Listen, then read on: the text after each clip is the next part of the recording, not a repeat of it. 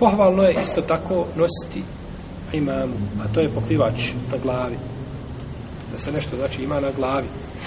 Kaže Džabir radijallahu ta'ala anhu, kada je poslanik sallallahu sallam ušao na dan oslobođenja Mekke, kako došlo u Muslimu sahihu kod Tirmizije, imao je na glavi crnu imamu. Crnu imamu je imao na glavi. A imama je, znači, pokrivač koji ide na glavu, poput kape koju mi nosimo, ili u obliku fesa ili tako nešto, i onda se, znači, omota oko njega. Znači, omota se oko njega, kao turban nešto da taj, znači, kalop bila, jel, imama. Kaže da li u hadisu Džabir, ispustio je njene krajeve niz svoja ramena. Znači, kada stavi se ovako, imate, znači, ono što se omotava, jel? I stavi se jedan dio, se ostavi duži, i drugi se omota, i kada se s drugim omota, onda se on provuče ispod i ispuste se i ovako dva kraja budu spuštena, znači, niz, a, jeli, niz ramena, naprijed ovako. To je imamo. To je imamo. Kaže Amr ibn Horeis, kao da gledam poslanika sa osam na mimberi, a na njemu crna imama. Ispustio je njene krajeve iz svoja ramena. Tako bilježe muslim i brumaže i drugi. Znači, crna imama ne smeta. I nema u tome nikakve pogrde. Kaže Ibn Omer, da je poslanik sa osvrame kada bi obukao imamu da bi spustio njene da bi spustio njene znači ove krajeve iz ramena ispustio njene krajeve niz tako je došlo u hadisu koji ima dobar lanac prenosilaca ima u jednom hadisu se navodi kod imama Ebu Noajma u dijelu Hilije da je poslanik sa osanem rekao da Allah i njegovi meleki donose salavate na one koji nose imame petkom. Da nose, znači, salavate. No, međutim, ovaj hadis je neispravan. Neispravan ga je ocijenio Ibn Hajar u svom djelu Telfis. No, međutim, iako nije potvrđena ispravnost tog hadisa, dovoljno je to što je poslanik sam nosio. Znači, to je dovoljno.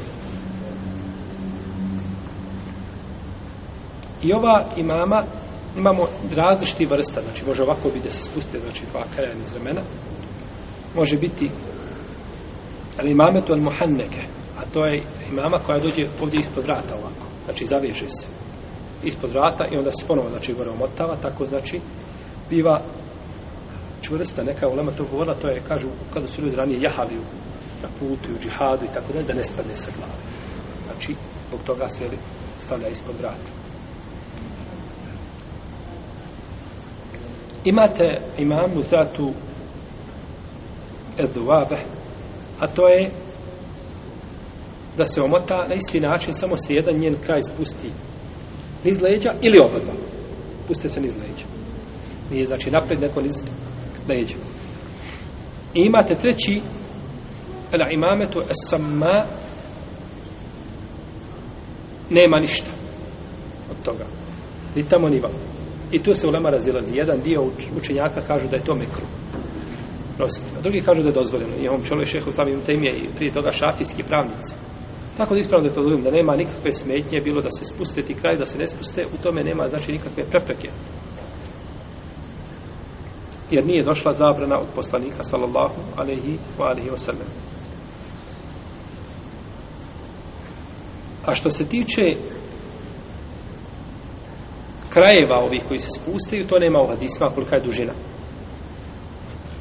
Jeli su li duže, duže ili kraće, to nije došlo. No, međutim, kaže imam Neovi u svome dijelu al međmua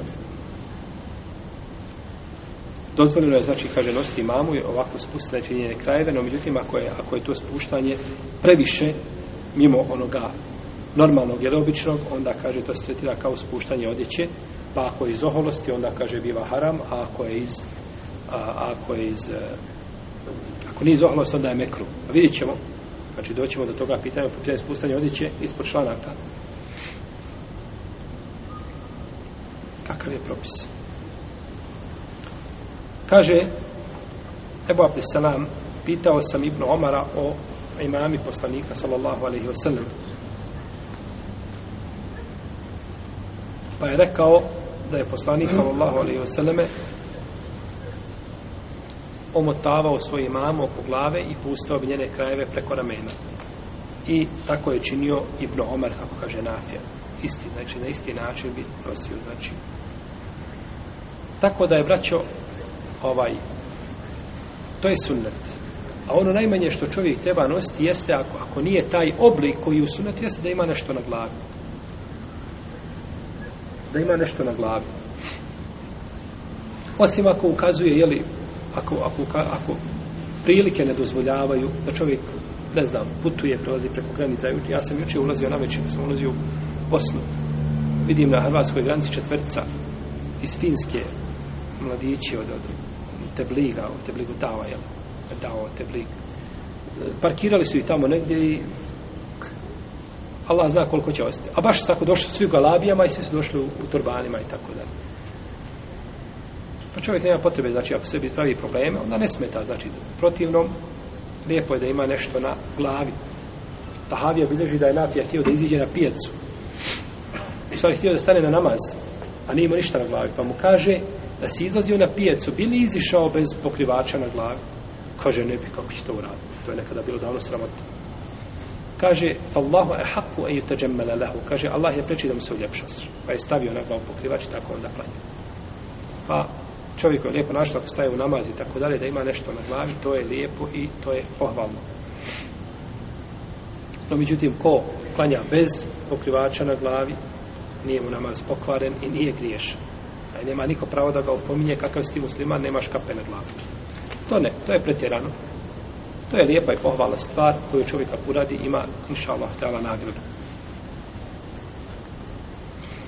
Jer poslanik sa osam nikada nije viđen da je otkrivo svoj, svoju glavu, osim kada je bio muhrim. Kada je bio, znači, u ihramima, tada je otkrivo svoju glavu. Protivno, uvijek nešto imao na glavi.